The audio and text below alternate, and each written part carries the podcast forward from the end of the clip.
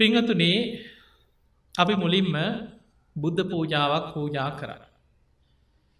සාමාන්‍යෙන් අපි බුදුරජාණන් වහන්සේ උදෙසා ගිලම් පස පූජා කරන. දානයත් පූජා කරන. මලුත් පූජා කරන. පහම් පූජා කරනවා සුන්ද දුම් පූජා කරන. අපි බුදුරජාණන් වහන්සේට උන්වහන්සේ පිරිනිවන් පාලා අවුරුදු දෙදස් පන්සිය හැටගානක් ගියත් තාමත් බුදුගුණ සිහි කරගෙන බුදුරජාණන් වහන්සේට පූජා පවත්ත. බුදුරජාණන් වහන්සේගේ අරහං ගුණේ තුළ සඳහන් වෙන්නේ මේ ලෝකයේ මනුස්්‍යයන්ග විතරක් නෙමෙයි. දෙවියන්ගේද මනුස්්‍යයන්ගේද දෙව් මිනිස්සුන්ගේ ආමිස පූජා ප්‍රතිපක්ති පූජා මේ සියලු පූජාවන් පිළිගන්න දරාගන්න තරන් ලෝකෙ ඉන්න පින්වන්තම භාග්‍යවන්තම කෙනා තමයි බුදුරජාණන් වහන්සේ. බුදුරජාණන් වහන්සේක ගාථාවක් පෙන්නවා තිට්ටන්තේ නිපුතේ චාපි. තිට්ටන්තේ ගැන බුදුරජාණන් වහන්සේ ජියවමානු වැඩ ඉන්න කාල. උන්වහන්සේ අවුරුදු හතලිස් මහක් වැඩ සිටිද්දී. බුදුරජාණන් වහන්සේටම දාන පූජ කරපු අයි හිටිය. ඒ පින ලැබිච්චා හිටිය බත් හැන්දක් හරි බුදුහාන්දුරගේ පාත්‍රයට පූජා කරගත්තයි. බුදුරජාණන් වහන්සේට ගිලම් පසක් පූජා කරගත්තයි හිටිය. උන්වහන්සේගේ සිරිපතු ලබියස මල් පූජා කළ වැදගත්ත පින්කරගත්තයි හිටිය. එතකොට බුදුරජාණන් වහන්සේ වැඩයින්න ඇති තිට්ටන්තේ යමෙක් බුදු කෙනෙකුට පූජාවන් පවත්වල පිනක් රැස් කරගන්නවද. නිප්පුතේ චාපී ගැන බුදුරජාණන් වහන්සේ පිරිනිවන් පෑමට පස්සේ. එකැන අද වගේ කාලික. අපිට බුදුරජාණන් වහන්සේව සිහි කරගෙන ත්‍රිවිධ චෛත්‍ය බුදුහාන්දුරු පෙරෙන. ඒ තමයි සාරීරික දහතුන් වහන්සේලා තැන්පත් චෛත්‍යය. බුදුහාමුදුරන්ගේ ධාතුන් වහන්සේ නමක් තැන්පත් කළ ඉදිකරපු චෛත්‍යයක් ජියමාන බුදුහාමුදුරුව විදිහටම සලකගෙන පුද පූජා කරන්න පුළුව. පාරිභෝගික බුදුරජාණන් වහන්සේ පරිහරණය කරපු දේවල් තැන්පත් කරපු චෛත්‍යතිය. චෛත්‍ය හැඩයටත් හදරතිය. දැන් අපි ගම් බුදුහාන්දුරුව පරිහරණය කරපු චීවරේ අපි කියන්න බුදුහාන්දුරන්ගේ සිවර කියන්නේ. චීවර දහතුන් වහන්සේ කිය.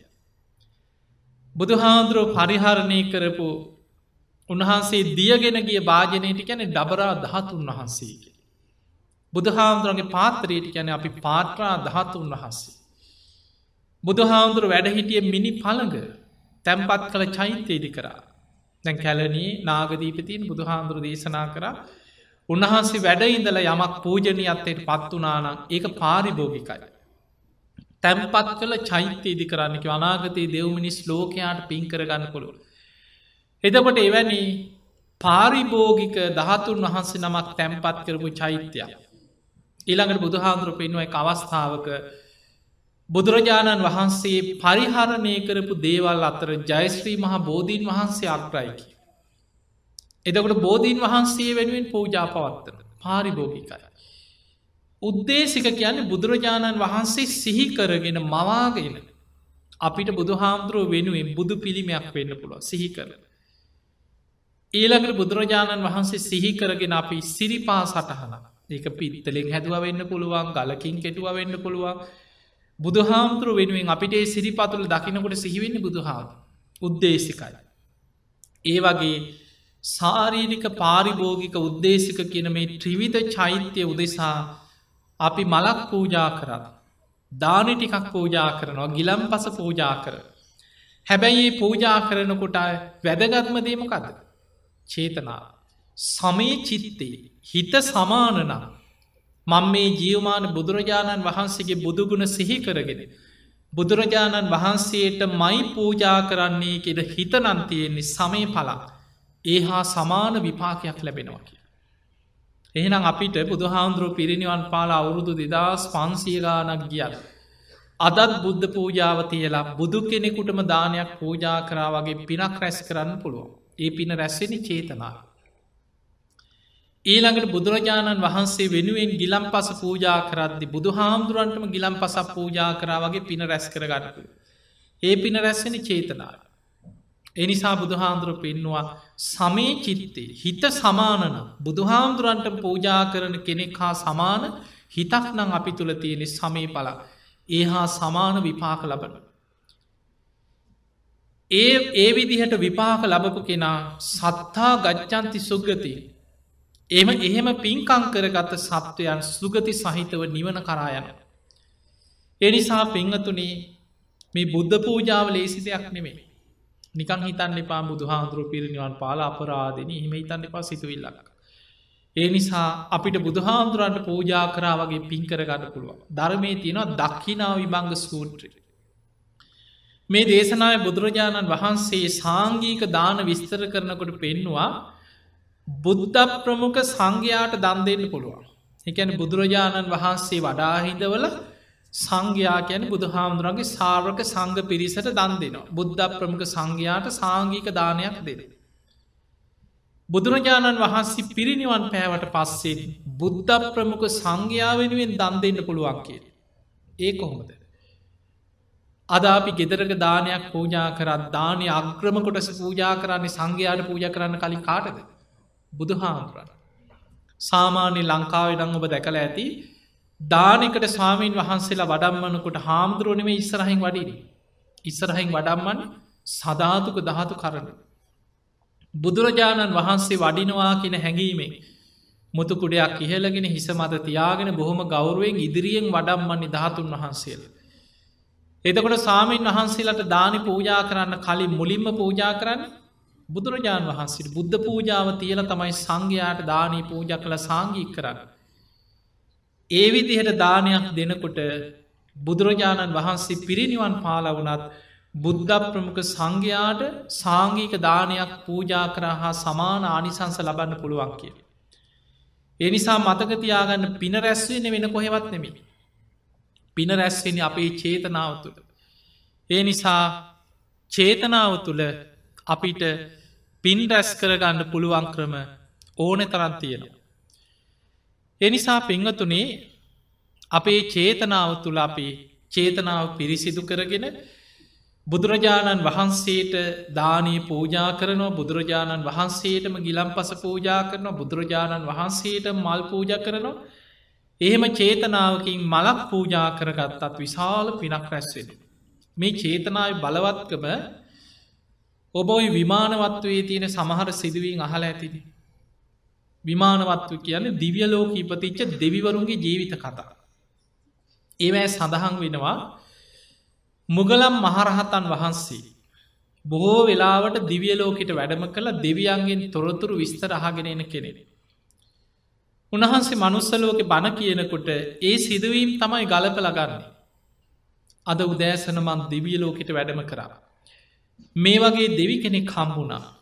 මෙන්න මේ වගේ පිනක් කරලා මේ වගේ දිවිය ලෝකෙ සැප සම්පත් විදිනවා කියලා ඒ දෙවියන්ගෙන් අහගත්ත කතාව මනුස්සලෝක කියලා මිනිස්සුන්ට බණකිව්. ඒ සිදුවීන් තමයි ගොඩාක් තියෙන විමානවත්තුයි. මේ දේශනාවල සඳහන් වෙනවා සමහර දෙවිවරු මල්ටිකක් පූජා කරලා චෛත්‍යය. ඊළඟට සමහරයි මල්ටිකක් පූජා කරන්න යනකොට මගදී අනතුරක් වෙලා මැරිලා. දිවිය ලෝක ඉපදිලා. සමහරයි කෙනවා සාමීනී මං ගොඩාක් පින්කරගත්ත කෙනෙක් නෙමෙයි. පින්ඩ පාති වැඩිය සාමීන් වහන්සේ නමකට ගෙදර දෙන්න දෙයක් තිබෙනෑ කියන. බත් හැන්දක් පූජකරී දංකුඩ ටික සූරල සූරලා බත් හැන්දක් පූජ කර ඔච්චරමයි කිනව කරගත්ත පින. ඔය පින සිහිකර කර හිටියා මට මැරෙන වෙලාවිත් ඔය පින මතක් වුණා කිය. සමහරයි පිට්ටු කෑල්ලක් පූජ කර. උක්දන්ඩක් මිරි කළ පූජ කළ දිවියලෝක ඉපදිච්ච දෙවිවරු ගැන ධර්මය සඳහන් වේ. එනිසා මතකතියාගන්න අපි ගොඩාක් පින් කරලා ඇති. දැන් ඔබේ ජීවිතේ මේ බණහන්න එන්නෙම පින්කං කරන අයමන ඕන තැනක බණක් සංවිධානය කරන්නේ බණක් අහන්නේ බණක් තියෙනවා කියවහම කොහෝම හරි බණහන්න යන්න ඕනෑ කියලා හිතාගෙන සූදානන් වෙන්නේ පින් කරන අයි පිනට කැමති අය. එතකොට අපේ ජීවිතවල අපි ඕන තරම් පින් කරලා ඇති. අපි ගොඩාක් පින් කරලා තියෙනවා. හැබැයි ඒ පිනේ විපාක අපිට කවදාහරි ලැබෙනවා මතකතියාගන්න පිනේ විපාක නැතිවෙන්නේ ලැබෙනවා. හැබැයි ඒ විපාක අපිට ඕන විදිහට අපිට බලවත් කරගන්න නං කවදාහරි ලැබිච්ච දෙෙන් කියලා ඉදල හරියන්නේ. ඒ පින සිහි කරලා සිහි කරලා සිහි කරලා ඒ පිනේ විපාක බලවත් කරන්න අපි දක්ෂ වෙන්න. අපි කොච්චර පින් කරලා තිබුණත් පිනේ විපාක බලවත් කරගත්තේ නැත්නම් ඒ පිනට කලින් අකුසලයක් බලවත්වෙන්න පුළුවන් අපිට. මතකතියාගන්න පෘතජ්ජන භාවය කියලා කියන්නේ භයානකද. මේ පෘතජ්ජන භාවේ තියෙන භයානකකම තමයි පින යටපත් කරගෙන අකුසල් බලවත්වෙන. මේ බුද්ධ ශාසනයේ විශාලම පින්කම කරේ අපිට හිතාගන්නවත් බැයි පින්කම. අද අපි කොච්චර සද්ධාවේ. මොන තරං වියදං කරලා එහෙම පින්කං කරන්න හැදුවත් අපිට කරන්න බෑ. ඒ තමයි අසද්දුෂ්‍ය මහා පින්කක. ඔබ හල ඇති ඔය පින්කම කරේ කොසොල් රජ්ජුරු. මුළු පින්කමටම රජතුමා මෙහෙම කරන්න මෙහෙම කරන්න කියලා මුළු පින්කමටම අවවාද කරේ මග පෙන්නුවේ පින්කම සැලසුම් කරේ රජ්ජුරුවන්ගේ අගබිසවක් ඒ තමයි මල්ලිකාදීවි. ඒ පින්කම දැ සමහරයට ඔය ඒක පින්කන් දැක්කාම හිතනවානේ මෝඩ පින්කා එහෙම හිතනවා සමහර. හැබැයි මතක තියාගන්න ද ඒ කාලි බුදුහාන්දුර කොයි වෙලාවත් කිවෙන මේ වගේ වකරන්න එපා මෙ මෝඩ පින්කක් කොහෙවත් කියල බුද්ධ ප්‍රමුඛ පන්සීයක් මහරහතන් වහන්සේලා ඒ දාන පින්කං වලට වැඩම කර. අවසාන පින්කම රජ්ජුරුවෝ ගම්වාසීනුයි රජතුමයි තරගෙට පින්කක් කර රජ්ජුරෝ කැමතිනෑ පරදින. මිනිස්සු එදා කොසොල් රට නගරවාසීම් බුද්ධ ප්‍රමුඛ පන්සීයක් සංඝයාට ලස්සන දානමී පින්කමක් සැලසුම් කර. ඕ කාරංචි වුණ රජ්ජුරුවන්ට. රජතුමා මේ අහගෙන ඉඳලා කල්පනා කර මමයි රජ්ජුරු. මටයි ධනය තියෙන්නේ මටයි මේ නගරඉන්න හැමෝට වඩා බලය තියෙන. ඒ නිසා මට වඩා නගරවාසීන්ට පින්කං කරන්න කොහෙද. මම ඒ අය පරද්දලා ඊට වැඩිය ලස්සන පින්කමක් හැමෝට මතකහිටින්න කරනවා කියලා රජ්ජුරුව පින්කමක් කර. දැන් හිතන්න මේ රජතුමා එතකොට මේ පින්කම කරේ තරගෙටන බොහොම ලස්සනට ඊටත් වනා ලස්සනට විය දං කරලා මල්ලොලින් සරසල සුදුවැලි අතුරලා කොඩිසේසත් නංවල නගරෙම සරසල බුද්ධ ප්‍රමුඛ සංඝයාට පන්සීයක් රහතන් වහන්සේලා වෙනුවෙන් පින්කමක් කර. කරලා රජ්ජුරුව කියන්න ගත්තා ඔන්න මගේ පින්කම දැන් ඉතින් මාව පරද්දන්න නම් පිනක් නෑ මන්තමයි ලොකුම පින්කම කරේ කියලා රජ්ජුරෝක කිය කියා හිටිය. ටික දවසක් යනකොට නගරවාසී එකතු වෙලා කල්පනා කර අපි රජ්ජුරුවන්ට වඩා ලස්සන පින්කමක් කරන්නවා.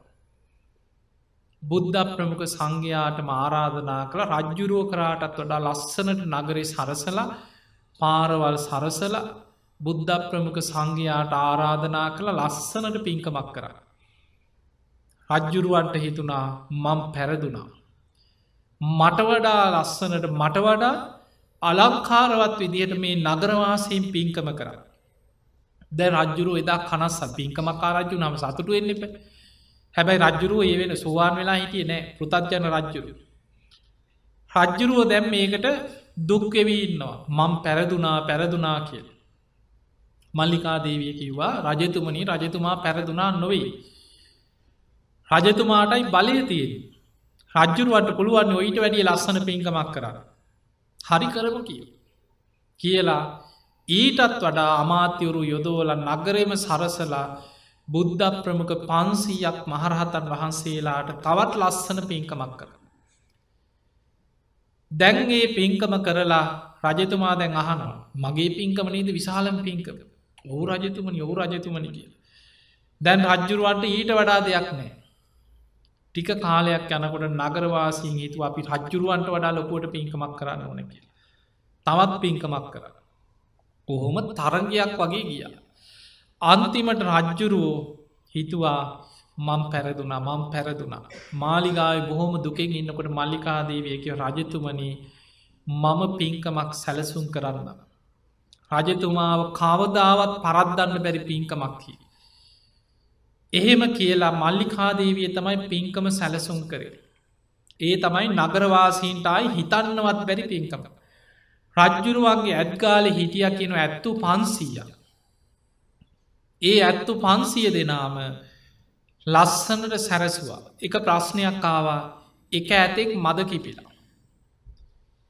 ඒ වෙලාවේ දැම් මේ පින්කමට උපදෙස් ගන්නකොට ඉරිදි බල සම්පන්න මහරහතන් වහන්සේලාගේ විපදෙස්කන්න සාමීනී අපි මෙහෙමයි පින්කම කරන්න අපි මෙහෙමයි පින්කම කරන්න. අපි හිතාගෙන ඉන්නවා කිය බුද්ධ ප්‍රමුඛ පන්සීයක් මහරහතන් වහන්සේලා ලස්සන්ට මලින් සරසල මල්ලුලින් හදපු මණ්ඩප මත තමයි වඩා හිදෙව. ඒ හැම රහතන් වහන්සේ නමකටම පසු පසින් ඇතෙක් සර්වාභරණයෙන් සරසලා හොඩ වැලෙන් මුතුකුඩයක් අල්ලගෙන ඉන්නවා ඒ දානෙ වලඳල අවසන් වෙන කල. ඒ වෙලාවේ එක ඇතෙක් මද කිපිලා. මහරහතන් වහන්සේලා ඉරුදියෙන් බලල උපදෙස්තු වන්නා දේවිය කලබල වෙන්න එපා ඔය ඇතාව සරසල අරගෙන එන්න කිවා කිසි අනතුරක් වෙන්නේ. එක්කම රහතන් වහන්සේ නමක් ඉන්නවා කීව හස්තීම් පවා දමනය වෙන. ඔය ඇතා මීක් නැතුව ඉදී කීවා අංගුලිමාල මහරහතන් වහන්සේ පිටි පස්සෙන් හිටවන්නකි. අවසානයේ මේ මදකිපිච්ච හස්තියා සර්වාභරණය සරසල ගෙනල්ලා අංගුලිමාල මහරහතන් වහන්සේ ළඟට ගේනකොට ඈතදිම උන්වහන්සේ දකිනකොට එහෙම දමනය වුණා කිය. දානීවර වෙනකං හෙල්ලෙන්න්නවත් නැතු මුතුකුඩි අල්ලගෙන හිටියකෙන අංගුලිමාල මහරහතන් වහන්සේකි තේජස නිසා.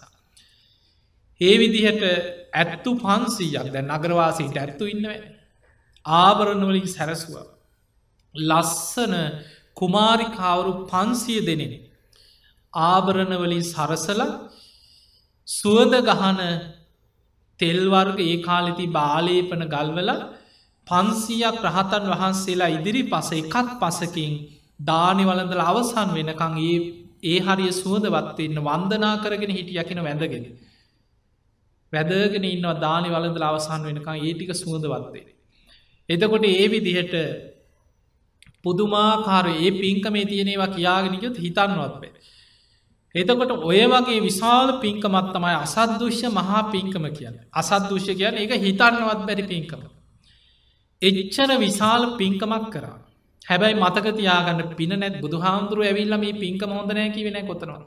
බුද්ධ ප්‍රමුඛ පන්සීයක් රහතන් වහන්සේලා වැඩිය දානයේ පිළිගත්තා පින් අනුමෝදං කරා එක විශාල පින්කවක්. හැබැයි පෘතජ්ජන භාවයේ තියෙන භයානකකම තමයි කරපු පිනක් අපි පිනක් කරාට පස්සේ විශාල පින්කමක් වෙන්න පුළුවන් පුංචි පිනක් වෙන්න පුළුවන්. ඒ පින නිතර නිතර සිහි කරලා සිහි කරලා සිහි කරලා බලවත් කරන්න දක්ෂවේ. මල්ලිකාදේවියට තිබ්බ දුරුවලතාවේ තමයි කරපු පින සිහිකර කර බලවත් කරගත්තේ නෑ. තමන්ගේ ජීවිතය වෙච්ච වැරැත් දක් තිබ්බා.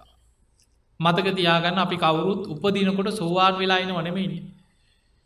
ජීවිතයේ මේ ධර්මය හම්බෙන්න කලින් බණපදයක් අහන්න කලින් සමහර වෙලාවට වැරදිච්ච දේවල් තුනුරුවන්ට ගරහා කරපු දේවල් පින්කංවලට බැනලා ඕන තරං වැරදි වැඩ කරලා ඇද. හැබැයි තමන්ගේ ජීවිතයේ ධර්මය ලැබුණට පස්සේ බණපදයක් අහන්න ලැබුණට පස්සේ අපි තුනුරුවන් කමාක් දැන් අපි ඒකන දැන් දැනුත් බුදුන් අදිනකොට අපි කායන වාචා චිත්තයෙන මගේ සිතෙන් කයෙන් වචන. අතීතයේ සංසාරි කවද හෝ තුනුරුවන්ට හරි. යම් වරදක් වුණා නම් මට සමාවෙන්න කියලානි තුනුරුවන් කමා කරගත්තට පස්සේ එතන ඒක ඉවරයි. අපි සීලේක පිහිට නොදැන් පන්සිල් ගත්තා. පන්සිල් සමාදන් වනාට පස්සේ හිතන්න මම දැන් සිල්වල. පරණ වැරදි දැම්මට අදාලනෑ මන් දැන් සිල්වත් කෙනෙ. මේ සීලේ තුළ මං ඉදිරියට සීලේ රැකගෙන ගුණධර්ම පුරාගෙන ඉදිරියට යන එච්චරයි. පරණ වැරදි හිතන්න හිතන්න මොකද වෙන්නේ. අකුසල් බලවත්වෙන. ඒ නිසා සීලේක පිහිටියාට පස්සේ පරණ වැරදි සියල් අමත කරන්න මන් දැන් සිල්වත් අන්න එතන තමයි දියුණුවතිය.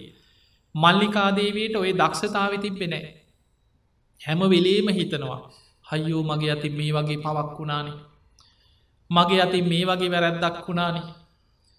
මගේ අති මේ වගේ වැරැද්දක් වුණානේ. හදිස්සියේ මසනීප වුණා අමාරු වුණා මරණාසන්න වෙනකොට අර කරපු පින සිහි කරේ නෑ. අකුසලේම හිත හිතා හිත හිතා හිටියා මැරෙනකොට අකුසලේ බලවත් වෙලා දින හතක් හරි අපායකට වැටුනකි. හැබැයි මතකතියාගන්න අර කරපු මහා පින බලවත්.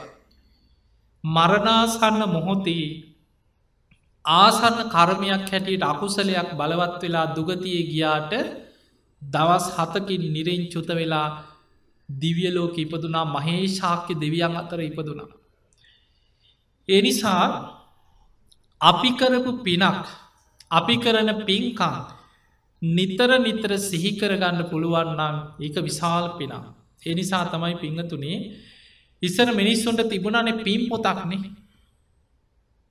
අපේ පරණ ආච්චිල සියලට තිබුණ. ඒ පින් පොතේ වටිනාකක දැංග බහල ඇති දැ සාමාන්‍යයන දුටුගැම රජ්ජරු ගෙනහා තියෙනවා. දුටුගැම රජ්ජුරුවෝ හැමදාම රෑට නිදාගන්න ගිහම රජ්ජුරුවන්ගේ අමාත්‍යවරයෙක් ඉන්නවා පිම්පොත් අරගෙන රජතුමා කියනවා. රජතුමාට ඇවිල්ල මතක් කරනවා. වෙනම කෙනෙක් හිටිය පත් කරලා. රජතුමනි අද දවසේ කරපු පින්කං ලියන්න වෙලාවයි කිය. රජතුමා කරපු පින්කං කියනො සිහි කර කර. අද මං මේ වගේ පිනක් කරා මේ වගේ පිනක් කරා මේ වගේ පිනක් කරා. ඔය වගේ තමන්ගේ ජීවිතය කරපු පින්කන් ලියලා විශාල පොතක් පිංගොලින් පුරෝගෙන හිටිය කිය. රජතුමා පින්කන් ලියනවා විතරක් නෙමේ කරපු පින්කන් නිතර නිදාගන්න කියලා සිහි කල්ල නිදාගන්නවාකි. ඕම ඉඳලා දුටුගැමු රජතුමා මරණාසන්න වෙන්නේ රුවන්වැලි මහා සෑය.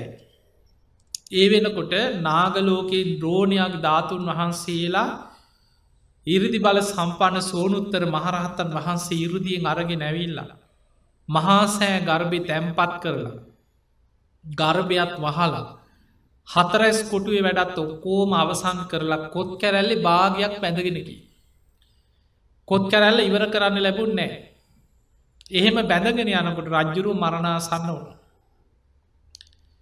රාජකය වෛද්‍යවරු රජ්ජුරුව පරීක්ෂා කරලා කියා හිටිය රජතුමාගේ තත්ත්ව එන්න එන්න අමාරුයි රජතුමානං වැඩි කාලයක් ඉන්න එකක් නෑ අමාත්‍යවරු දැනුවත් කරන්න. ඒ වෙලා රජ්ජුරුවෝ රජ්ජුරුවට තේරුණා තමන්ගේ ආවිශ ඉවරවේගෙන යන්නේ දිගා මඩුල්ල හිටිය තිස්ස කුමාරය. අනුරාධපුරීට කැඳවල රජකම දීලා කියව මලනුවනේ මගේ අසනීප ගැන හිත හිත දුක්වෙන්න එපාකි. මගේ හොස්ම ටික යන්න පෙර මහා සෑයි වැඩ ඉවර කළ අනේ මට පේන සලස්ස පංකි. අයන්ඩිය බයිවෙන්න එපා කියලා ඉක්මනට තවත් ඒ කාලි වඩුව කියලා කිවී. ඒ ගඩොල් වැඩ කරපු ඒ පිරිස යොදෝලා බාසුන්න හැල යොදෝලා ඉක්මනට චෛත්‍ය වැඩටික කරගෙන ගැහැබැ දවස් දෙක තුන යනක රජ්ජුරුවන් හොඳට මමාරු. අන්තිමට රෙදිවිය අයලව්ව සුදු පාටට රෙදි විශාල ප්‍රමාණයක් රෙදි වියලා වියලා. ලී දඩු ගෙනහල්ලක් කොත් කැරැල්ල වටේට තියලා ලීවලින් බැදල සුදුරෙදි එතුවා කියෙන්. අන්තිමටික මවල හැදුව. ඒම හදල ගිහිලකි අයන්දී මහා සෑ වැඩ අවසානයිකි. සාධු කාරදීලකි අනේ මා උත්සගෙන පලයල්ලාකි. ඇද පිටිම උත්සගෙන අරගෙනාව මළුවට. මළුව වටේම ප්‍රදක්ෂිනා කරල මළුවේ කෙලවරකින් තියද්ද එක පැත්තකින් පේනවා ලෝවා මහපායි. ඒ පැත්තට හැල්ල වැඳගත්ත අන්න එතකොට අමාත්‍යවරයකුට මතක් වුණා කෙනවර පිම්පොද දුවගෙන කියලා පොත ගෙනල්ලා ඔය පොත පෙරල පෙරල පින්කම් සිහි කර. අහනවා රජතුමාට මතකද. ජයකොන්තේ තැම්පත් කළ මිරිස වැටි චෛත්‍ය හදපු හැටි මතකද. ඔය පින්කමේ කොටසෙන් කොටස සිහි කරනවා සාධු කාරදිදී පින සිහි කරගත. රජතුමාට මතක දර ඇතින් පේන නවමහල් ප්‍රාසාද. යුද්ධ ඉවර කරපු ගමන් තුටුකැම රජ්ජුරු එලාර අවුරුදු හතලිස් හතරක්. ඔය අනුරාධපුරය ඔක්කොම් ප්‍රදේශ පාලනය කර එලාරේ කාලි. දුටුකැම රජ්ජුරුවෝ රට එක්සේ සත්ක ලවසන් වෙලා. මහා සංඝයා රැස් කරලා කියනවා ස්වාමීනි යුද්ධ නිසා ඔබහන්සේලා ගොඩාක් පීඩාවට පත් වුණ. ඔබහන්සේලට හරියට පෝය කර්ම විනේ කර්ම කරගන්න බැරිවෙන්න ඇති.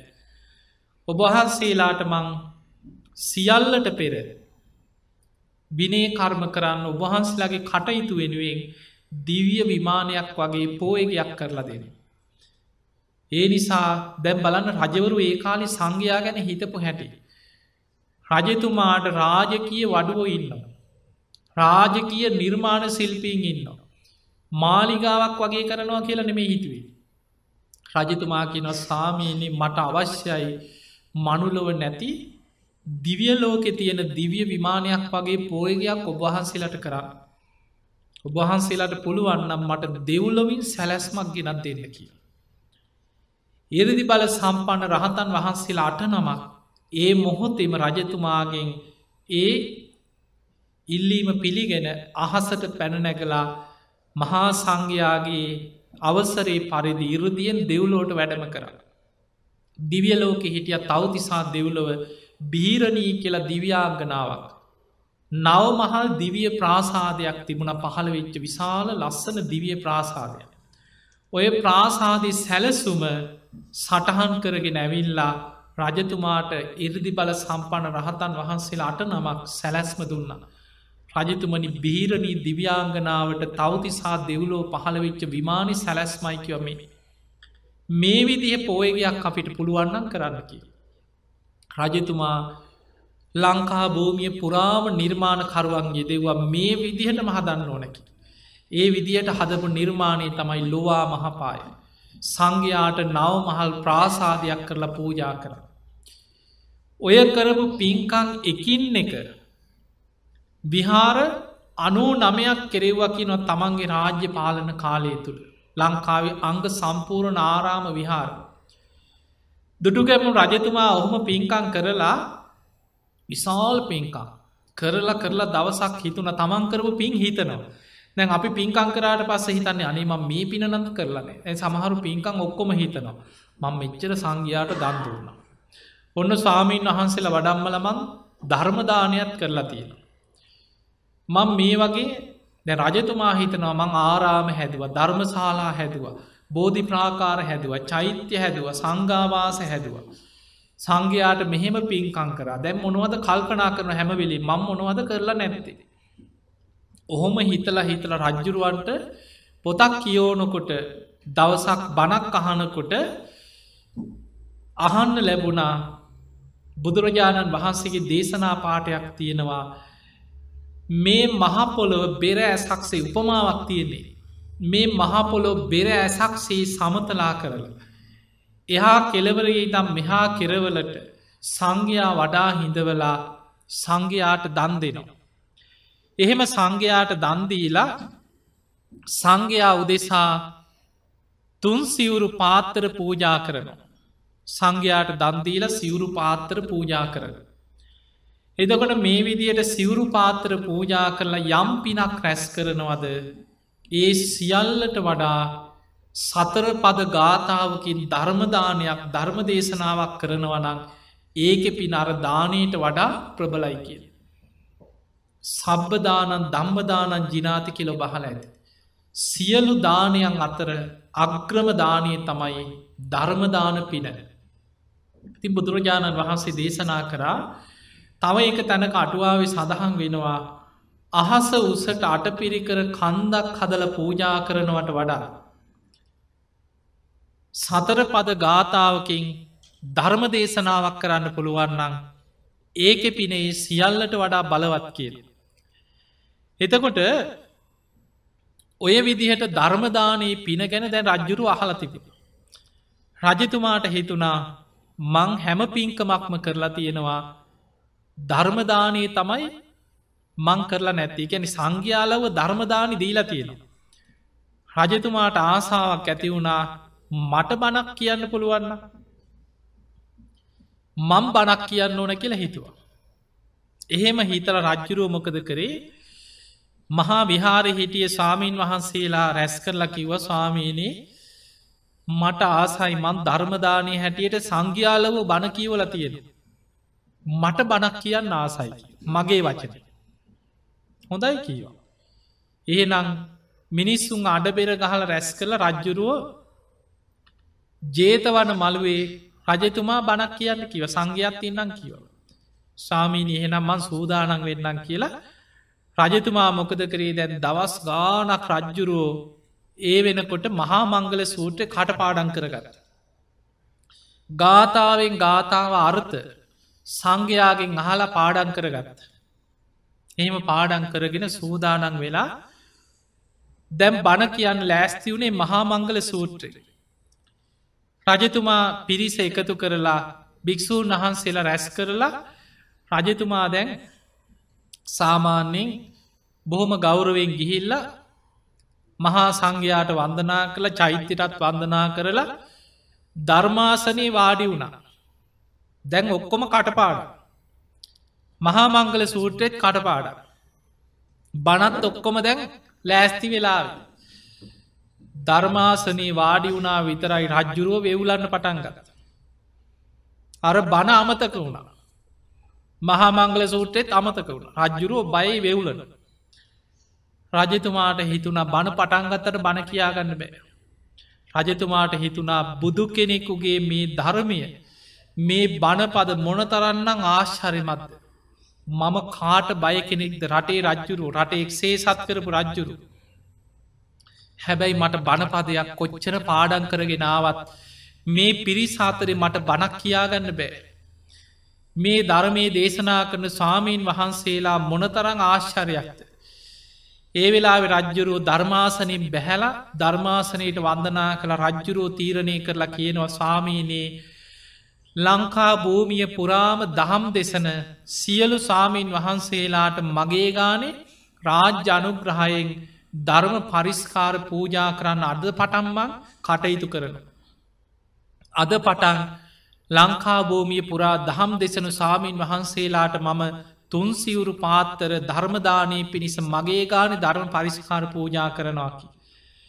එතකොට ඔය වගේ මහා පින්කරගත් රජ්ජුරු මරණ මංචකේ අර කරගත්ත පින්කං එකින් එක එකින් එක සිහිකර කර දුන් දැන් රජ්ජුරුවෝ සාධු කාරදිදී අර පින්කන් සිහිකර එහෙම පින්කන් සිහි කරනකොට අර පින්පොතේ දැන්ුවන් වැලිසෑ පුංචි පිනන්ද.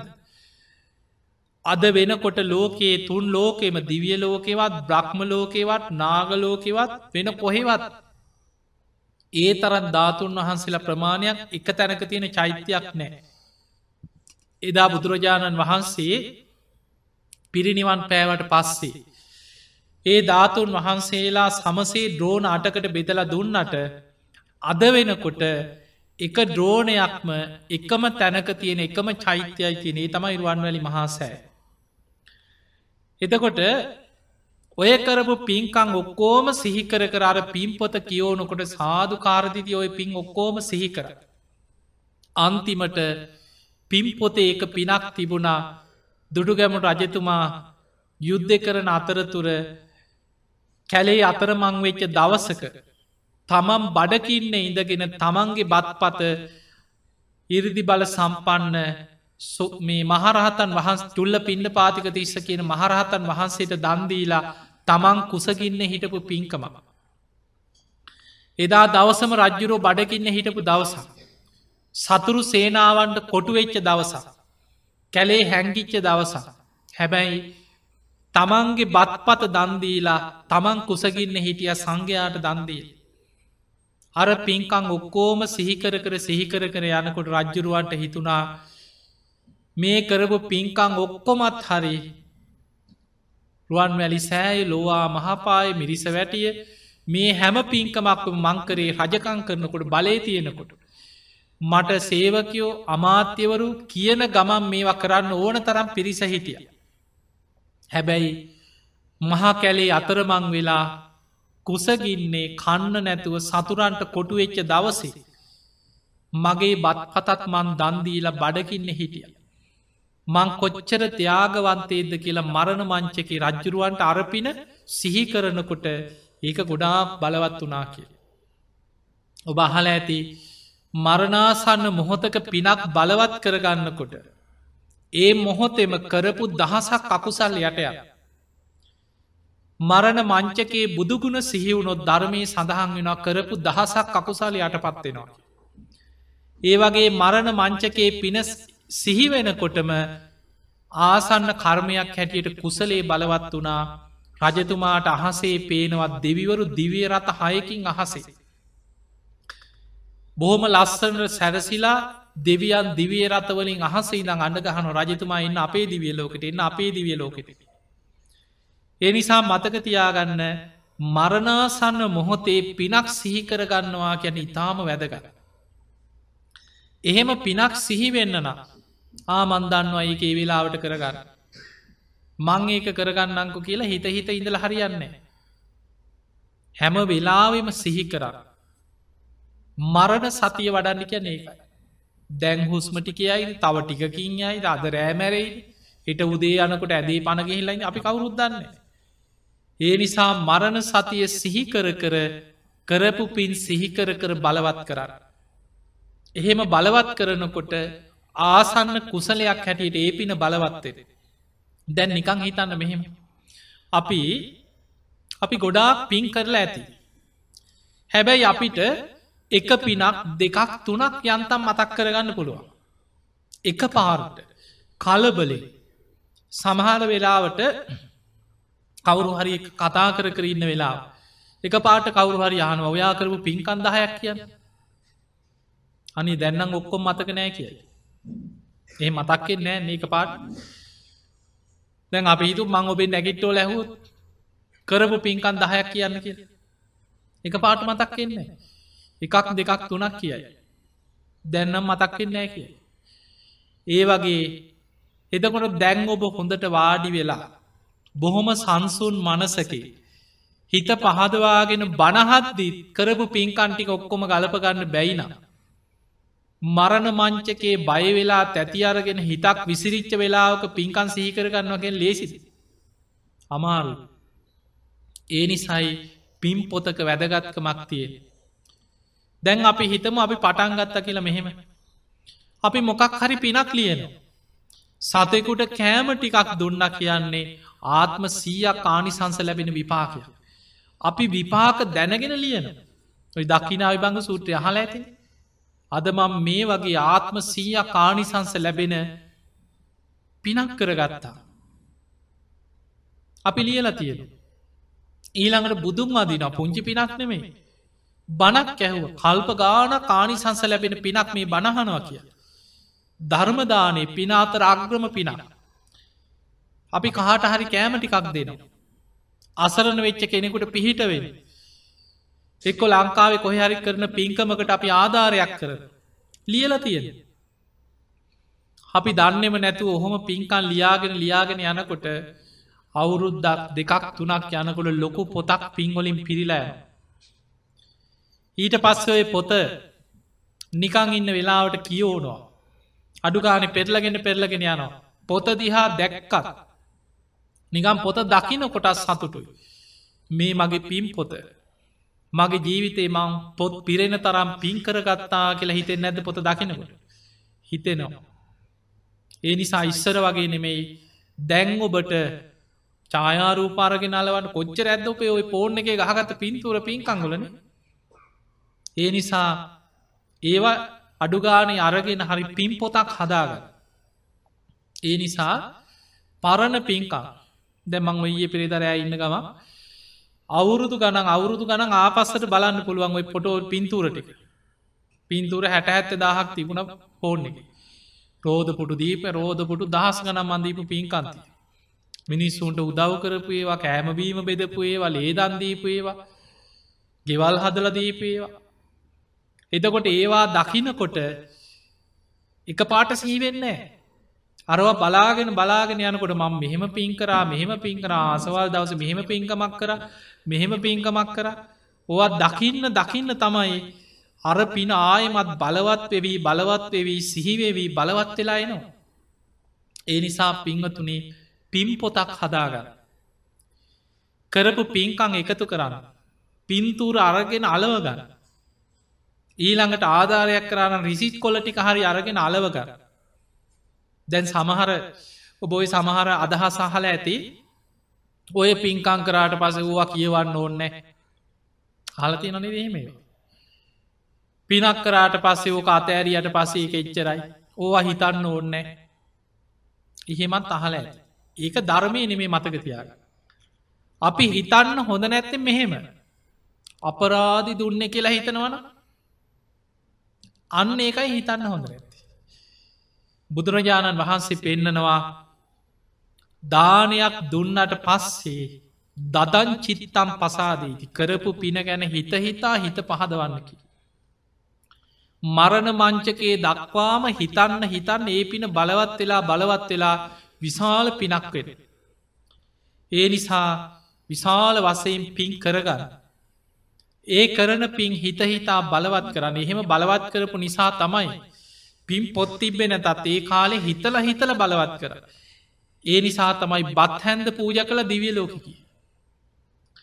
උක්දන්ඩක් පූජ කළ දිවිය ලෝකකි. සමහර වෙලාවට දංකුඩ ටිකක් පූජ කරලා ඒ දෙවිවරු විමානවත්වේ කතා කියෝනකොට අපිට පේනවා ඒ දෙවරු කියන සාමීනි මංකරේ පුංචි පෙනම්. හැබැයි මං ඒ පින හැම වෙලාවිම සිහි කරලා සිහි කරලා සිහි කරලා බලවත් කරා. මට මැරෙනකොට ඒ පින මතක් වුණා කිය. ඒ නිසා පින බලවත් කරගන්න දක්ෂවෙන්න පිම් පොත එකතු කරගන්න හදාගන්න ඒ පොත. අපිට ඉස්සර තිබුණා. දැම් බලන්න දැන් අපිට දෙදස් විස්සන මේනි ඩයිරීහෙම ගත්තද. හම්බුණා සාමානය අපිට පුරුද්දක් තින දැන්ව ලංකාව එකතු කරනවා සමහරුට දෙනවා ඩයිරියක් තෑගි. ඉස්සර අපිට තිබුණ පිම් පොත. දැන් අපිට ආව ඩයිරිය කියලක.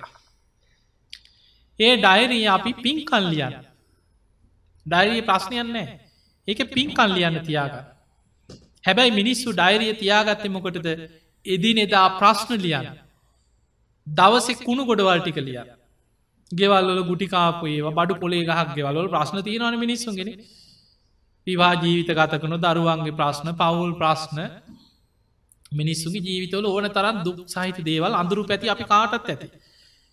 ඒවල් ලියනවා. ඒවල් ලිය ලියා පොත්තොල තියාගත. අද මට මෙහෙම වුණා අදමං බොහෝම දුක් සහිත දවසක් මට ඔවල් ලියනවා. අපි හිතම ඔයිතින් කාලයක් කැනකොට අමතකවේ. ඔය ඩාරි අල්මාරියක් අස්සේ හරි කොහ හරි තැන් තැන්වල තියෙනවා. අපිට අවුරුදු ගානකට පස් දැන් අර ප්‍රශ්න ඔක්කො අමතකයි. දැන් හොඳට සතුටින් ජීවත්තන හොඳට පින්කං කරගෙන හොඳට ඉන්න. එහෙම ඉන්නකොට ගෙදර අස් කරනකොට අර පරණ ඩයිලිටික ආයනිකං අහුවෙන. පෙරලල තනියෙන් ඉන්නකොට කියෝනො. දැම් පනට පන වගේ හිටියත් පරණ කෝන්තර ආයි මතක් නවා මේක ඒ කාලෙ මට මෙහෙමලි සල කලතිය. අද මෙහෙම හිටියට ඒ කාලෙ මට කොච්චර වද දුන්නද. ඔහොම වෙන්න ඇද මිනිස්සුන්ට. ඒවා අමතක කර යුතු දේවල්. ඒ නිසා ඩයිරියක අකුසල් ප්‍රශ්න ගැටලු දුක් සහිත දේවල් ලියනවනං ඒක පව් පොතක් පින් පොතක් නෙම. ඒ නිසා අකුසල් කියලා කියන්න බලන්න දැම් මේ අපි කතා කරන ටික හැම බුදු කෙනෙක්ම දේශනාව කැටිවෙන්න ඔතන්ට සබ්බ පාපස්හා කරන. සියලු පාපි අකුසල් වලින් වලකින්න වෙච්ච වැරදි ලියලියා එකතු කරන්න එපා. ඒවා හිතෙනුත් අයින් කර. අකුසල් වලින් වලකිනවා කියන ඒවා හිතන්නත් එපා හිතෙනුත් අයින් කර. කුසලස් උප සම්පදා. කුසල් කරන්න පින් කරන්න කරපු පින හිත හිතා හිත හිතා බලවත් කර. ඒක තමයි පින් පොතෙන් කරන්න. පින් කරනවා කරපු පින හිත හිතා බලවත් කරනවා සිහි කරනවා එක බලවත් කරගන්න. සචිත්ත පරියෝධපනන් තමන්ගේ හිත දමනය කරන. අකුසලේ මුදෝල කුසලේ තුළ හිත දමනය කර අකුසලේ වැඩෙන්න්න දෙන්න. කුසලයක් තුළ හිත පවත්තද. ඒ තම් බුද්ධානු ශාසන මේක තමයි හැම බුදු කෙනෙක්ගේ මනුශාසනාව හරය. ඒ නිසා ජීවිතයේ පින කියන එක රැස් කරන්න අකුසලේ සම්පූර්ණයෙන් අමතක් කරන්න. අපිට අකුසල් අමතක් කරන්න නම් හොඳම උදාහරණය තමයි අංගුලිමාල මහරහතන් වහන්සේ. දැන් හිතන්න ජීවිතය අපිට අමතක කරන්න තියෙන මොනවද පොඩි දේවල් සමහල්ලාට අංගුලි මාල හාමුදුරන්න කොච්චර දේවල් තිබ්බ අමතක කරන්න සිවුර පරෝගත්ත කියලා කරපු ඔක්කෝම වැරදිවලින් හරිගියාද කෙනෙකුට හිතෙන්න්න පුළුවන් අච්චර මිනී මරලා අච්චර පව්කං කරලා. මිනිස්සුන්ට කඩුවාරගෙන කොටලා කොටලා ඇගිලි කපලා. සිවරක් පොරෝගත්තකම ඔක්කොම හරිද කියලා හිතනවන සමාරුණ. එහෙම හරි කිය නෑ. අංගුලි මාල් හාන්දුරු දැම් පැවිදි වුණා පැවිදි වෙලා පින්ඩ පාත යන. මිනිස්සු ගංගොල රැකලා ඉන්නවා. පොළු අරගෙන ඉන්නවා. මිනිස්සුන්ට කේන්තිය තියෙන අන්නේනවා අපේ අයිය මටල ඇගිල්ල කපපු එකා. අන්න අපේ සහෝදරයන්ට ගෙවල්ලෝට පැනලක් කොටල ඇගිලි කපාගත්ත එකයිනවා. මිනිස්සු හැංගිලා පොළුවලින් ගල්වලින් ගහන. අංගුලිමාල හාමුදුරගේ ජීවිතයේ පැවිදි වෙච්ච දවස හිතාගත් අධිෂ්ඨානයක් තියෙන. ඒ තමයි මං අලුතෙන් ඉපදුනා කියල හිතාගත්. අරියායි ජාතියා ජාතු ආර්ය ජාතියේ බුද්ධ ශාසනය ඉපදුනා කියල හිතාගත්. පරණ ජීවිතයේ සම්පූර්ණයෙන් අමතක් කර. එහෙම අමතක් කළ හිතුව මං අලුතෙන් ඉපදුනා. එහෙම හිතලා තමන්ගේ ජීවිතේ උදේ පාත්තරය අරගෙන එලියට බහිනකොට හිතනවා කියනවා. අද මේ පින්ඩ පාත යනකොට මට මිනිස්සු ගල්ලුලින් ගහයි. පොළුවලින් ගහයි. බනි නින්දා කරයි. අතපයින් ගහයි. ඒ හැමෝම සුවපත්තේ. මගේ හිතට ඒ කිසිම කෙනෙක් ගැන දවේශ හිතක්කට නොවේවා. මට බනින ගහන නින්දා කරන සියලු දෙනා සුවපත්තේවා සුවපත්තේවා කියලා මෛත්‍රිය වඩ වඩා තමයි අංගුලිමාල ස්වාමීන් වහන්සේ රහත් වෙලා නෑ එතකොට. පින්ඩ පාතයන් ඉති මිනිස් වට කරගෙන ගහනවා. ලේ පෙරාගෙනනවා කිය. කිසිම කෙනෙකුට අඩුගානේ කෙනෙක් ඇවිල්ලා පිටිපස්සෙන් ඇවිල්ලක් පොල්ලකින් ගැහුවත්. අංගුලිමාල ස්වාමීන් වහන්සේ හැරිල බලන්නෑ කියෙන කවුද ගැහුවකි. ඒ තරමක මෛත්‍රියක් වැඩ. එතකොට උන්වහන්සේ අවසානය අර දරුවෙක් ලැබෙන්නේ හිට පම්ම කෙනෙක් ළඟට ගිහිල කරපු සත්‍යයක් ක්‍රියා. කල්පයක් බලවත් සත්‍යයක් ක්‍රියාව. ඒ නිසා පිංහතුනේ කෙනෙක්ගේ ජීවිතය තුළ මොන තරං වැරදි අඩුපාඩු තිබුණත්. අපිට මේ ජීවිතය වෙනස් කරන්න බැරිම කරුණු පහයිතිය. මොනවද. ආනන්තරි අකුසර. එතනින් මෙහා ඕනම කෙනෙකුට ජීවිතයේ ඕනම අකුසලයක් කුසලෙන් යටපත් කරලා කුසල් බලවත් කරලා ධර්මාවබෝධයකට හිතක් බලවත් කරන්න පුළුව. මරණ මංචකේ ගිනිදැල් පෙනිලා. අපායි පෙනි පෙනේ හිටපු කෙනෙකුට සාරිපුත්ත මහරහතන් වහන්සේ මරණාසන්න වෙලාවේ ළඟට ඇවිල්ලා පින බලවත් කරලා දීලා බ්‍රහ්ම ලෝකෙම ඉපදුන. කවුදේ දනංජානය අහල ඇති. අන්තිම වෙලාවෙ පින්කන් සිහි කරලා සිහි කරලා අකුසල් යටපත් කළ කුසලේ බලවත් කර ගිනිදල් පෙනිපෙනී හිටපු කෙනෙ. ඒ නිසා අපිට පේනවා අන්තිම මොහොතේ හරි අපිට පිනක් සිහි කරගන්න පුළුවන්නම් කරපු අකුසල් යටපත් කළ කුසලේ බලවත් කරන්න පුළුවන්කම තියෙන. එනිසා මේ ධර්මය තුළ මහා පුදුම ආශිර්වාදයක් රැකවරණයක් අපිට තියෙනවා. පිංහතුනේ දැන් අපි හිතමු දැම් මේ දවස්වල දැම් මේ ඔස්ටේලියාවේ අද මේ අපි මෙහි බණැහුවට විශාල පිරිසක් ලැව්ගිනිවලින් පීඩාවට පත්වෙන එතකට මිනිස්සු විතරන්නමනි සත්තු ඔබ දකින්න ඇති මිලියන ගානම් මන් දැක විශාල පිරිසක් සත්තු මැරිල කියල දාලතිය එතකොට හෙක්ටයාර් ලක්ෂ ගානක් විශාල ගිනිවලින් පීඩාවට පත්වෙලාය එතකොට අපිට දැන් මේ රට මිනිස්සුන්ට මේ තේරු මන්නේ බෞද්ධ හැටියට ඉනිමි ලංකාවෙන් ඇවිල ජීවත්වන්න පිරිස. ති මේවත් එක්ක ඔබ අහල ඇති වට්ටක පිරිත අහල තියෙනවන.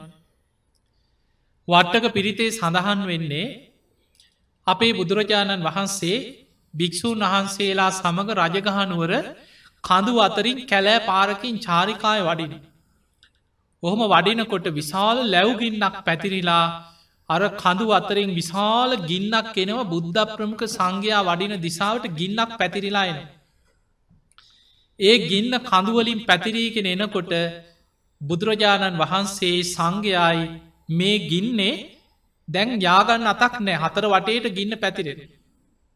කෙලෙස් සහිත සාමීන් වහන්සේලා බයවෙලා තැති අරගන්න ගින්න නිවන්න උපකරන හොයන සමහරු වතුර හොයන සමහරු දුවන්න පටන්ගත්. රහතන් වහන්සේලා නෙමෙයි.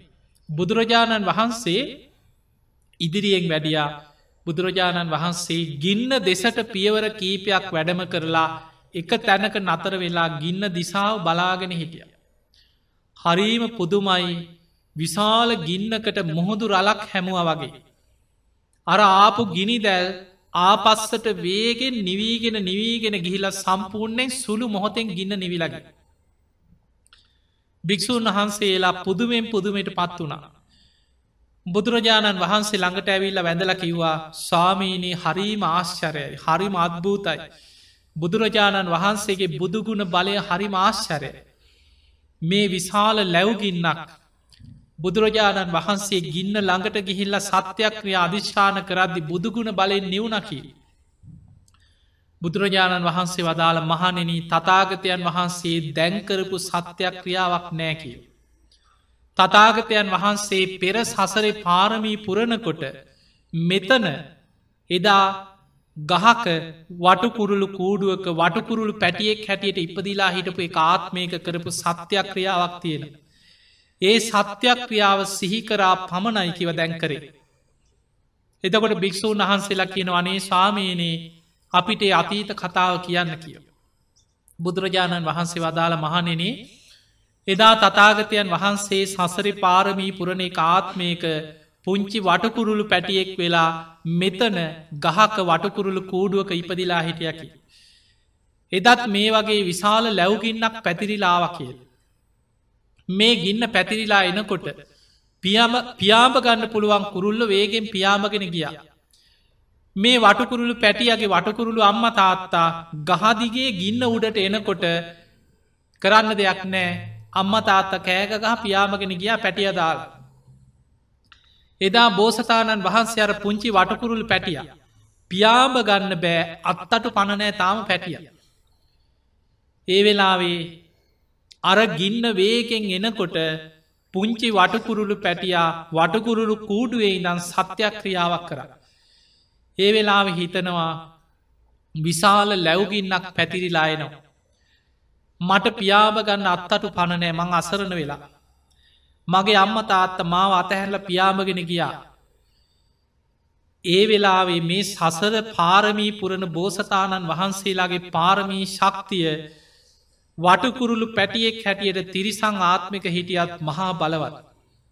මේ වටකුරුළු පැටිය හිතනවා අතීත බුදුවරු මේ විශ්වයේ පහළ වනාද ඒ බුදුවරුන්ගේ යම්තාක් බුද්ධ බලයක් තිබුණද ඒ බුදුරජාණන් වහන්සේගේ බුද්ධ බලේ අතීත වැඩ සිටිය සසරේ පහළවෙච්ච බුදුවරුන්ගේ බුද්ධානු භාව බලයෙන් මේ ගින්න ආපසු හැරෙන් කියලා හිතුවා විතරයි.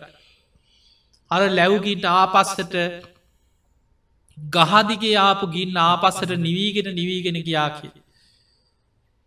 එදා බුදුරජාණන් වහන්සේ කියනම් මහනෙන එදා තතාගතයන් වහන්සේ පුංචි වටකුරුළු පැටියෙක් හැටියට මේ භූමියයෙන් මෙතන ගහක ඉදංකරපු සත්‍යක්‍රියාව අදටත් මෙතන බලවත්කි. තතාගතයන් වහන්සේ කරේ මෙතනට ඇවිල්ලා ඒ අධිෂ්ඨානයේ සිහිකරා විතරයි කිය. අදටත් බලවත්කි. එතකොට ඒකරපු වටකුරුළු පැටියගේ සත්‍යයක් ක්‍රියාව අධිෂ්ඨානි තමයි අද පිරිතක් හැටියට තියෙන වට්ටක පිරිත කිය. ලංකාවෙනම් මම එක දිකට රත් බට්ටක පිරිතෙන් පිරිත් කරලා හෙලිකොප්ටරයක් කරගෙන හට පිරිත් පැන්හෙන. එදකොට තියනිසා මම දැන් ටිකට කලින් මේ අන්තර්ජාලයටත් දැම්ම මේ රටේ ස්වාමීන් වහන්සේලා ඉන්නවා මන්සල් තියනවා සැදැහැවතුන් ඉන්නවා එකතු වෙලා වට්ටක පිරිතෙන් ඊළකට මත්ස්‍ය රාජ පිරිතෝ බහල ඇති. අපේ බෝසතාණන් වහන්සේ සසරේ පාරමී පුරාගෙන යනකොට එක ආත්මයක විලක මත්ස්‍යයන් අතර මත්ස්‍යරාජයේ මාළුවෙක් වෙලා ඉපදිලා හිටිය කියෙන සසර පාරමී පුරණාත්ම කොච්චර තියෙනවද අපේ බෝසතාන් වහන්සේගේ සසර ජීවිත කතා. විශාල නියගයක් ඇවිල්ලා අර විලේ වතුර හිදීගෙන හිදීගෙන යනකොට මේ මත්ස්‍ය රාජයා අතීත බුදුවරුන්ගේ බුදුගුණ සිහිකරලා සත්‍යයක් ක්‍රියාවක් කර. වැසි ඇද හැලේවා කියල. නියගේ දුරුවෙලා වැසි ඇද හැලුන කියනවා. ඒක තමයි පිරිත් පොතේ තියෙන මත්ස්‍යරාජ පිරිත. වැසි ඇද හැලෙන්න අපේ බෝසතාණන් වහන්සේ මත්ස්‍යරාජයෙක් හැටියට කරපු සත්‍යයක් ක්‍රියා. ඊළඟට බුදු වෙලා බුදුරජාණන් වහන්සේ කරපු ත්‍රහි සහස්සී ලෝකධාතුවේම බලවත්ම සත්‍යක්‍රියාව තමයි රතන සූට්. බුදුරජාණන් වහන්සේගේ බුද්ධ දේශන අතර අසූහාර දහසක් ධර්මස්කන්දයෙන් සූට්‍ර දේශන අතර කීපයක් තියෙනවා. කෝටි ලක්ෂයක් සක්වල ආඥා පිහිට ඔපු බලවත් දේශන. ආටානාටිය සූට්‍ර මේ ලෝක ධාතුවය විතරක් නෙමේ කෝටි ලක්ෂයක් සක්වල. අපි කියනවා ත්‍රහි සහස්සී ලෝක ධාතුවේ මාඥා පිහිටපු දේශනය. ඊළඟට කන්ද පිරිත. ත්‍රහි සහස්සී ලෝක දහතු ආඥා පිහිටෝපු දේශනා. බොජ්ජංග පිරිත. ඒ වගේ මයි රතන සූත්‍රය. ත්‍රහි සහස්සී ලෝක දහතු යාඥා පිහිටෝපු බුදුගුණ දහම්ගුණ සඟගුණ ඇතුළත් තුනුරුවන්ගේ සත්‍යක්‍රියා දේශනාව. එදා බුදුරජාණන් වහන්සේ පාත්තරයට පිරිත් පැන් ගංගානන් ගඟෙන් පැන් එකක් පෙරල අරගෙන පෙරහංකනේ රතන සූට්‍රයෙන් අධිෂ්ඨාන කළ ආනන්ද හාමුදුරන්ට දුන්න ආනන්දය නගරේ ප්‍රාකාර වලලු තුන වටා යමින් නගරයට පිරිත් පැන්හින්න කිය. ආනන්ද හාමුදුරුව නගරයට පිරිත් පැන් ඉස්ස කිය. බුදුරජාණන් වහන්සේ සංඝයා සමඟ නගරේ කූටාගාර ශාලාවට රැස්වෙලා ඒ වෙලාවේ ත්‍රහි සහස්සී ලෝක ධාත්වීම දෙවියන්ට ආරාධනා කරලා කරපු දේශනාව තමයි රතන සූට්. තුම්බිය දුරුකරපු දේශනාව. නියගේ දුරුභික්ෂ අමනුස්ස විපත් ස්භාවික විපත් මේ සියල්ලට බලවත්ම දේශනාව රතන සූට්. එනිසා පිංවතුනේ මේ ධර්මය තුළ හරීම ආශ්චරයමත් මේ ධර්මී මහා බලයක් තියෙන. තිය නිසා අපිට ලෝකෙ කොහෙ හිටියත්. ඔබ ඔස්ටේලියාව හිටියත් ඔබ ලංකාව හිටියත් ඔබ ලෝකෙ කොහෙ හිටියත් මේ තුනුරුවන් ගුණේ මහා පුදුම බලයක් තියෙන. ඒ නිසා හැමදාම බුදුන් වදින්න පුරුදුවේ. තුනුරුවන් ගුණ සිහි කරලා සත්‍යයක් ක්‍රියා කරන්න පුරුදුවේ. මේ සත්‍යයක් ක්‍රියාව කියන්නේ මහා බලවත් දෙයක්. මේ ධර්මය තියෙන හරියට සත්‍යයක් ක්‍රියාගෙන. ඒ සත්‍යයක් ක්‍රියාවල මේ තුනුරුවන් ගැන සිහි කරලා කරන සත්‍යයක් ක්‍රියා හරීම බලවත්. ඒ සත්‍යයක් ක්‍රියාවලට සමහර දේශනාවල තියෙනවා. එක ගුණයක් සිහි කළ සත්‍යයක් ක්‍රියා කරනකොට සක්‍ර දෙවියන්ට දැනෙනවා කිය. දෙවිවරු එකතු වෙලා සාකච්ඡා කරලා දෙවියන් අතරින් දිවිය සභහ රැස් කරලා ඒ ප්‍රශ්නයට පිහිට වෙන්න දෙවිවරු මනුලවට එවන. මතකතියාගන්න අපිට පෙවුනට වැස්ස වහින අපි කවුරුත් දන්නවනේ හැබැයි අපි දන්නේ වැසි චක්‍රය කියල එකක් ඉගෙන ගන්නකොට ඉගෙනගෙන ඇති අපි දන්න ඕ වැස්ස වහින්න මෙහෙමයි එහෙම තමයි වහිනි හැබැයි ඉරදි බල සම්පන්න දේවතා කොටසක් ඉන්නවා ඒ අයට ධර්මී කියන්නේ වැස්ස වලාහක දෙවිවරු ඒ දෙවියන්ගේ ඉරදි බලයෙන් ස්භාවික වැස්සට බලපෑම් කරලා වැසි ඇති කරන්නත් පුළුවන් කින වැස්ස නවත්තන්නත් පුළුවන් කින ඉරදි බල සම්පන්න දෙවියන්. ඒ අයට ධර්මය කියන්නේ වැස්ස වලාහක දෙවිවරු. ඊළඟට වලාකුළු අහසේ හමාගෙන යන. ඔබ කවුරුත් ඉගෙනගෙන තියෙන අපි කවුරුත් දන්නේ හුළං හමන දිසාවට වලාකුළු හුළගත් එක්ක අහස යන. ඔක තමයි අපි දන්න. හැබැයි අබ්බ වලාහක දේවතාවරු කියලා දෙවිවරු කොට්ටාසයන් ගැන ධර්මී තියෙන. ඒ දෙවියන්ට ඉරදි බලයෙන් අහසේ වලාකුළු අරගෙන යන්න පුළුවන්කින තමන්ගේ ඉරදී. අවශ්‍ය දිසාවලට අහසේ වලාකුළු අරගෙන යන්න දෙවිවරුයි. ඊළඟට වාත වලාහක දෙවිවරුන්ට සුළගේ දිසාාව වෙනස් කරන්න පුළුවන්කි. අපි කවුරුත් දන්න අඩු පීඩනයක් තියෙන තැනට වැඩි පීඩනයක් තියෙන තැනින් හුළන් හමන. ඕක තමයි අපි දන්න. හැබැයි වාත වලාහක දෙවිවරුන්ට සුළගේ දිසා වෙනස් කරන්න සුළඟට බලපෑම් කරන්න පුළුවන්. සීත වලාහක උන්න වලාහක කියලා දෙවිවරු ඉන්නවා කියෙන පරිසරයේ සීතල උණුසුම ඇති කරන්න දෙවිවරු. මේ හැම වෙලායම නෙමේ දෙවියන්ගේ ඉරුදි බලෙන් අවශ්‍යනං කරන්න පුළුවන්කි. එතකොට මිනිස්සු ගුණධර්ම රකිමින් සත්‍යයක් ක්‍රියා කරලා දෙවියන්ට ඒ වගේ ඉල්ලින් ඉල්ලනකොට දෙවිවරු එකතු වෙලා සංක්‍ර දෙවියන් දේව සභාව රැස් කරලා වැස්ස වලාහක උන්හ වලාහක සීත වලාහක අබ්බ වලාහක දෙවියන්ට ඒ කාරයම් පවරනවා කිය. ඒ නිසා තමයි අපේ රට ඉතිහාසෙ තිබුණේ මිනිස්සු පින් දහම් කරලා වැස්ස වලාහක දෙවියන්ට පින් දෙනවා. නිසි කැලට වැසි ලබා දෙන්න කියලා දෙවියන්ගෙන් ඉල්ලීම් කර වැසි පිරිත් කිව්ව. ඒ නිසා මේ ධර්මය අපිට නොපෙනෙන දෙවියන්ගේ ආශිර්වාදය ලබන ක්‍රම ඕන තරන්තියෙන්. එනිසා පිංවතුනි මේවැ ආශිර්වාද ලබන්න අපි එකතු වෙන්න ඕන. එකතු නික එක්කෙනෙක් දෙන්නේ තැන් තැන්වල හැඟිලා කියලා නෙමේ පිරිසක් එකතු වෙලා. අපි ගම පන්සල්වල එකතු වෙලා එකම වෙලාවක. රටේම මිනිස්සු එකම වෙලාවක් යොදාගෙන. හරීම බලවත්. තියනිසා කාට හරි පිහිටක් වෙනුවෙන් අපට එකතු වෙලා වැනි දෙයක් කරන්න පුළුවන්නම් මේ රටේ වේවා විශාල පිහිටක් පිළිසරණක් වෙනවා ඉතින් එනිසා පිංහතුන මේ ධර්මය හරීම ආශ්චරයමත් දේවල්තියෙන් දැම් බලන්න සමහර බුදුගුණවල තියෙන බලය ධර්මය සඳහන් වෙනවා ඔබ අහල ඇති දැන් දේවදත්ත හාමුදුර බුදුහාදුරන්ට ගලක් පෙරලුවන් ඒව සංසාරයේ කර්ම විපාකත්තය කාපුය හැබැයි ඒ කල පෙරලෙනකොට පොළොවෙන් ඉබේම ගලක් උඩට මත වුණ. අර ගලන බුදු හාමුදුරන්ට ගල පෙරලුන්නේ අර පෙරලිලාපු ගල මේ ගලේ වැදිල නතරවුණ හැබැයි ගල් දෙක ගට්ටනේ වෙනකොට පුංචි ගල් පතුරක් ගැලවිලා ඇවිල්ලා බුදුරජාණන් වහන්සේගේ සිරි පතුලෙ වැදිලා ලේ කැටියක් පිරුණ. එතකොට බලන්න බුදුරජාණන් වහන්සේට අනතුර වෙන්න යනකොට ස්වභාව ධර්මයෙන් මතුවනේ. ඊළඟට සමහර තැන්වල මහා පරිනිබ්භාන සූත්‍රය සඳහන් වෙනවා බුදුරජාණන් වහන්සේට පිපාසයි. ආනන්ද හාන්දුරන්ටකින ආනන්ද පැන්ටිකක් අරගෙනෙන. ආනන්ද හාන්දුරුව පාත්තරය අරගෙන යනකොට කරත්ත පන්සීයක් එකොඩ වෙලා ඒට ටික වෙලාකට කලින් අර වතුර ඔක්කෝම මඩ වෙලා. ආනන්ද හාන්දුර හිතන වනේ මං කොහොමද බුදු හාන්දුරන්ට මේ මඩවතුර පිළිගන්නන්න. හිස් පාත්තරය අරගෙන ආපහු වෙනවා. ඒ වෙලේ බුදුරජාණන් වහන්සේ කියන ආනන්ද ඔබ ආයමත් යන්න. අර මඩවතුර වලළඟට ගිහිල්ල පාත්තරයේ ලංකල්ල හිතන්න මේ පැන් බුදුරජාණන් වහන්සේටයි පූජා කරන්න කියලා පාත්තරයේ ලං කරන්න එච්චරයි. ආනන්ද හාමුදුර ආයමත් ගිහිල් අනේ මං කොහොමද බුදුරජාණන් වහන්සේට මේ මඩවතුර පූජා කරන්න කියලා පාත්තරයේ ලංකරා මඩවලට බලාගෙනින් නැද්දි අර මඩටික එහෙම යටපත් වෙලා නිල්ම නිල්පාටට වතුර පැහැදිලිවුණ.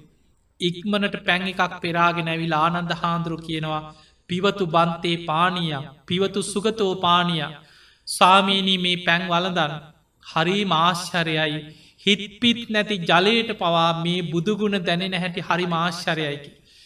අර මඩ වතුර ටික බුදුරජාණන් වහන්සේගේ පාත්තරයේ ලංකරනවා සමගම පිරිසිදු භාවයට පත් වනා.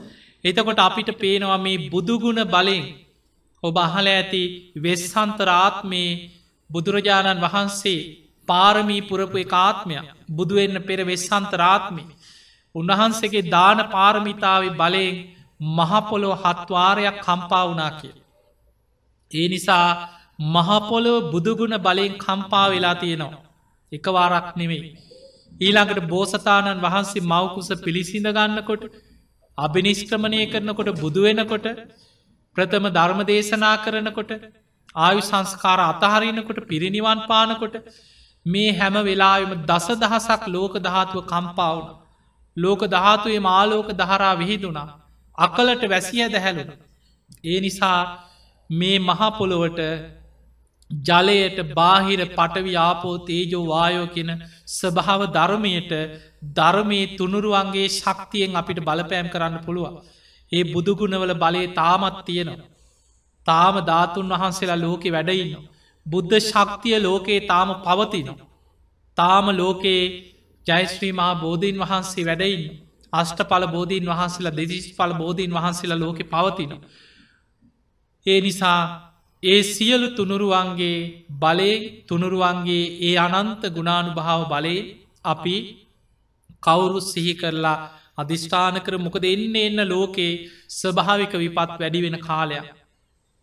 මිනිස්සුන්ගේ ආවිස වේගෙන් පිරිහිලා පිරිහිලා අපි දැන් ජීවත්වයන්නේ මිනිස් ආවිස අවුරුදු හැත්තෑවට හැට පිරිහීගෙන යන කාලෙක.